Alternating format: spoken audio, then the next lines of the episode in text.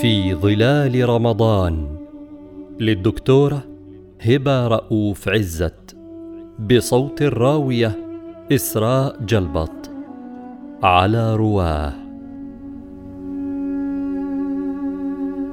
رمضان وأيام الله.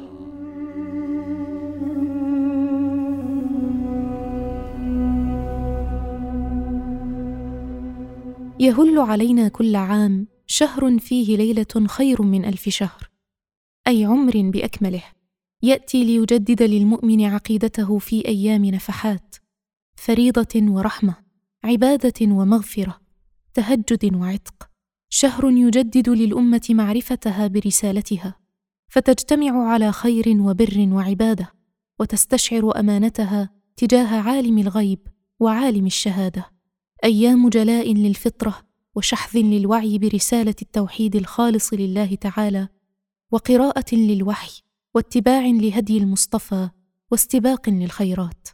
والحق أن رمضان مدرسة جامعة ففيه أداء شهادة العقيدة المتجددة لأن الصوم صلة بين العبد وربه وهو لله وهو يجزي به. وفيه صلاة القيام تقوي معنى إقامة الصلاة في حياة المسلم. وفيه ترويض الجسد وتهذيبه بالامتناع عن الطعام وعن الشهوات في نهار رمضان. فلا رهبانية في الإسلام بل فيه هذا الجهاد المتجدد المشتبك مع الكدح وفيه تجديد النية وفيه معنى التزكية للذات وللمال بنافلة تزيد على الفريضة. ويختار البعض أداء زكاته في رمضان ليزيد الله له في الأجر وفيه توجه المسلمين للقبلة. وتوحيدها برابطة عبادية وروح ربانية وتهذيب للألسنة والأفئدة ففيه ملمح من فيوضات الحج ودروسه والهجرة ومعانيها ورمضان مراجعة لمسيرة التاريخ ففيه تذكرة بنزول الوحي وبنصر الله للمجاهد الصائم في بدر وأمة لا تعرف تاريخها فتفاخر بانتصاراته وتتعلم من دروسه وتسترجع فلسفته وتجدد أمره هي أمة منبتة الصلة بجذورها تسيح في تيه الآن وهنا والإسلام برؤيته للتاريخ مبتدأ ورجعه أزل وأبد دورات وسنن تدبير حكمة وجدلية تدافع ومسعى تعارف إرادة الإنسان ومدد الله قوة الحق وضعف كيد الشيطان عزم أولي البصيرة والصدق ووهن وهوان إرادة الباطل. فمنطق رمضان يستدعي الغيب لساحة المادية ليحقق فلسفة الميزان مثلما الحج تذكير بأنبياء الله ومسيرة الإسلام وشعائر الله عبر النبوات ومسار دعوتها في التاريخ. فالرؤية الإسلامية تحتفي بقيمة التاريخ وتواصله كما تحتفي بالزمن وفلسفته وبالروح ومركزيتها.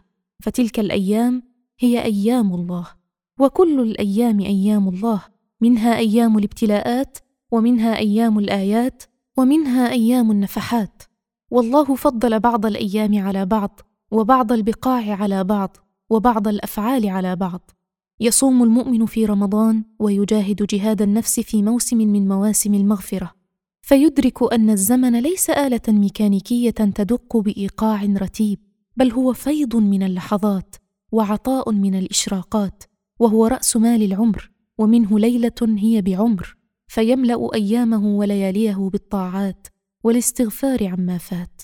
ورمضان استعادة لمركزية الغيب في التصور الإسلامي. ذلك الغيب الذي يوقن به المسلم فيدفعه إلى التخلي عن المتع العاجلة ابتغاء مرضات الله. ولولا ذلك لما كان للصوم قيمة. فالإنسان الذي يسعى إلى المتعة العاجلة ولتعظيم منفعته المباشرة المادية لا يرى في الصوم إلا معاناة لا جدوى منها ولا طائل من ورائها. فالصوم مدرسة اليقين وأحد مدارج السالكين في عالم مركزية الأنا وتلبيس منطق الحياة وهوس المتعة الاستهلاكية. فيأتي رمضان ليكون ومضة نورانية تعيد توازن الدنيا والآخرة من الأنا إلى الأمة ومن الهنا إلى الملأ الأعلى. وهو شهر يجتمع فيه الناس على الإفطار والسحور. فتتوثق عرى الأسرة وتتواصل الأرحام وتنصهر الفوارق وتسري في الجماعة روح من البر والمودة والتراحم. فيدرك المسلم أن فردية الصوم في علاقة الفرد بربه موصولة بجماعية المقاصد. فالإسلام يرى خلاص الفرد يوم القيامة عبر صلاح الجماعة ويكرس في فرائضه هذا التلاحم بين الفردي والجماعي والخاص والعام والعبادي والاجتماعي والخير المبسوط الكف لمن لا نعرف من عرب وعجم مسلمين ومؤمنين من أهل العقائد الأخرى. ففلسفة الصوم مشتركة بين الأديان والأوطان مساحات جامعة لتجليات الشعائر شعائر الله. فرمضان مفردة من نموذج توحيدي جامع متكامل وهو في الوقت ذاته يحمل في داخله كل عناصر هذا النموذج مصهوره ومصقوله ومن الأهمية بمكان أن يفهم الإنسان المسلم أن كل مفردة من مفردات الجزء تحمل مجمل خصائص الكل كما تحمل الخلية في جسد الإنسان بصمتها الجينية وخريطتها الكاملة. لذا فإن معاني رمضان تسري في غيره من العبادات والشعائر. يبقى أن نستوعب أن رمضان شهر للنهضة فمفتاح النهضة في الرؤية الإسلامية وعي وتعاون وقيام وقوامة وحساب لقيامة. وعي برسالية المسلم ومسؤوليته عن العالم. وكيف ينهض بالعالم بغير قلب موصول بالله وروح تستلهم منه القوة. وتعاون على الحق والصبر. وكيف تنهض أمة تتشظى أفرادا وأحزابا. فلا تصطف كالبنيان المرصوص. هذا الاصطفاف الذي ترمز له صفوف المصلين في ساحات المساجد قياما وركوعا وسجودا. وقيام بالأمانة. فكيف يقوم بالقسط ويقوم لله؟ ليكون شهيدا على الناس من لا يستطيع أن يقوم مصليا فيقهر كسل النفس وأثقال الجسد ويصبر على العبادة ويتخذ منها الزاد ليكون من القوامين الشهداء. وتذكرة بالقيامة واستشراف لعالم الغيب. فتجلو العبادة مرآة الروح ليبصر فيها المؤمن ما لا تراه العيون. فتكون جائزة الدنيا ليلة قدر هي قبس الغيب بملائكته ورحماته القدسية. وبشرى في يوم قيامة يحصد المسلم فيه ما زرع من لحظات عبادة. فمن دون وعي بالقيامة وتلمس لسر الروح لا تصبر أمة على العدل والعمل. وشتان بين سعي وعمل ابتغاء الدنيا وبين سعي وعمل من أجل حسن ثواب الدنيا والآخرة. لي وأنا أجزي به. رمضان ليس شهر عتق الأفراد من النار فحسب. إنه أيضا شهر عتق الأمة من غرور الدنيا.